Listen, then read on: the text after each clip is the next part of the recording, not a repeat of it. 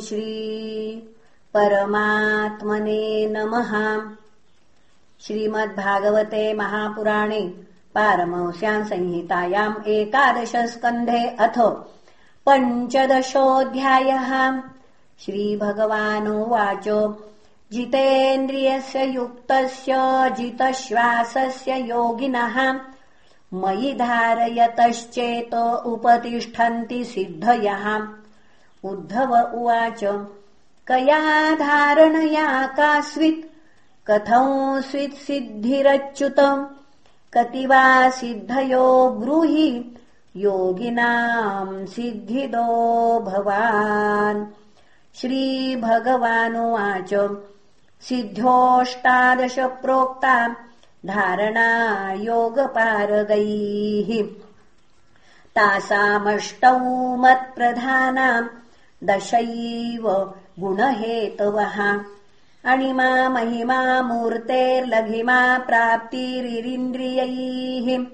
प्राकाम्यम् श्रुतदृष्टेषु शक्तिप्रेरणमीशिताम् गुणेष्वसङ्गो वशितायुत्कामस्तदवस्यति एता मे सिद्धयः सौम्य अष्टावोत्पत्तिकामताः अनूर्मिमत्वम् देहेऽस्मिन् दूरश्रवणदर्शनम् मनोजवम् कामरूपम् परकायप्रवेशनम् स्वच्छन्दमृत्युर्देवानाम् सह क्रीडानुदर्शनम् यथा सङ्कल्पसंसिद्धि राज्ञा प्रतिहता गतिः। त्रिकालज्ञत्वमद्वन्द्वम् परचित्ताद्यभिज्ञताम् अग्न्यर्काम्बुविषादीनाम् प्रतिष्टम्भोपराजयः। एताश्चोद्देशतः प्रोक्ताम्।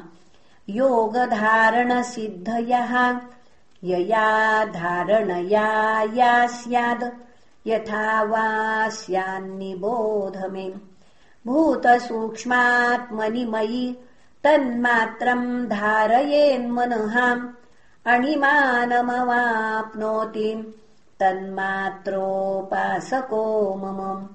महत्यात्मन्मयि परे यथा संस्थम् मनो दधत् महिमानमवाप्नोति। भूतानाम् च पृथक् पृथक्।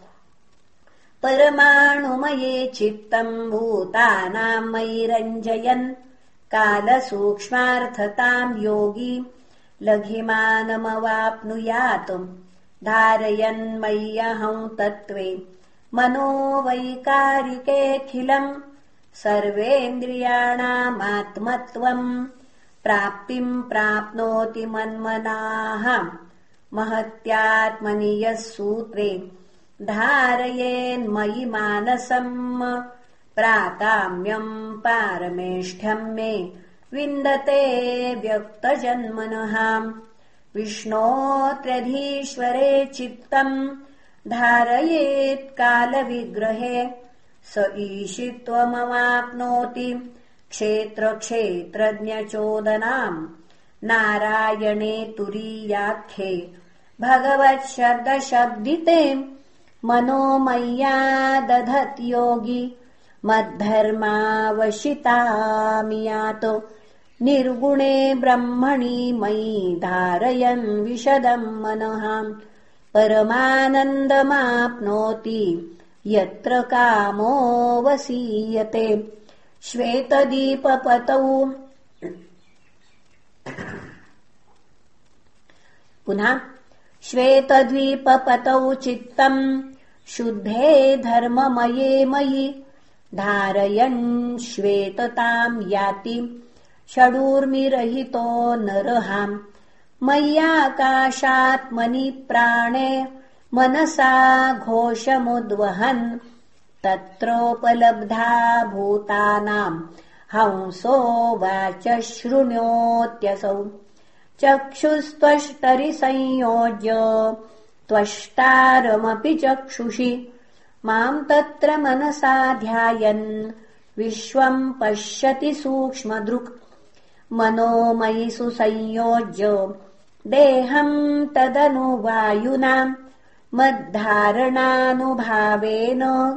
तत्रात्मा यत्र वै मनः। यदा मन उपादाय यद्यद्रूपम् बुभूषति तत्तद्भवेन्मनोरूपम् मद्योगबलमाश्रयः परकायम् विशंसिद्धो आत्मानम् तत्र भावयेत् पिण्डम् हित्वा विशेत् प्राणो वायुभूतः षडङ्घ्रिवत् पार्ष्ण्यापीड्यगुदम् प्राणम् ह्रदुरम् ह्रकण्ठमूर्धसु आरोप्य ब्रह्मरन्ध्रेण ब्रह्मनीत्वोत्सृजेत्तनुम् विहरिष्यन् सुराक्रीडे मत्स्थम् सत्त्वम् विभावयेत् विमानेनोपतिष्ठन्ति सत्त्ववृत्तिसुरस्त्रियः यथा सङ्कल्पयेद्बुद्ध्या यदा वा मत्परः पुमान् मयि सत्ये मनो युञ्जन्स्तथा तद्समुपाश्नुते यो वै मद्भावमापन्नः। ईशतुर्वशितुः पुमान्। कुतश्चिन्न विहन्येत तस्य चाज्ञा यथा मम। मद्भक्त्या शुद्धसत्त्वस्य। योगिनो धारणाविदः तस्य त्रैकालिकी बुद्धिर्जन्म मृत्युपबृंहिता।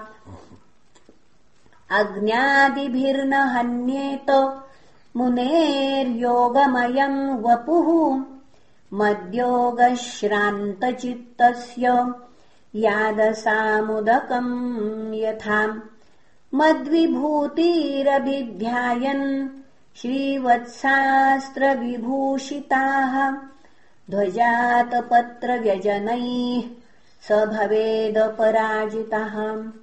उपासकस्य मामेवम् योगधारणया मुनेः सिद्धयः पूर्वकथिता उपतिष्ठन्त्य शेषतः। जितेन्द्रियस्य दान्तस्य जितश्वासात्मनो मुनेः मद्धारणाम् धारयतः का सा सिद्धिर्सुदुर्लभाम् अन्तरायान् वदन्तेन पुनः। अन्तरायान् वदन्ते ताम् युञ्जतो योगमुत्तमम्। मया सम्पद्यमानस्य। कालक्षपणहेतवहाम्। जन्मौषधितमो पुनः। जन्मौषधितपो मन्त्रैर्यावतीरिह सिद्धयः। योगेनाप्नोति ताः सर्वाम्। नान्यैर्योगगतिम् व्रजेतुम्।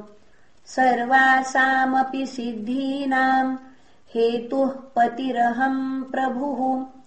अहम् योगस्य साङ्ख्यस्य धर्मस्य ब्रह्मवादिनाम्। अहमात्मान्तरो बाह्यो नावृत सर्वदेहिनाम् यथा भूतानि भूतेषु बहिरन्तः स्वयम् तथा। इति श्रीमद्भागवते महापुराणे पारमंस्याम् संहितायाम् एकादशस्कन्धे पञ्चदशोऽध्यायः श्रीकृष्णार्पणमस्तु। हरये नमः हरये नमः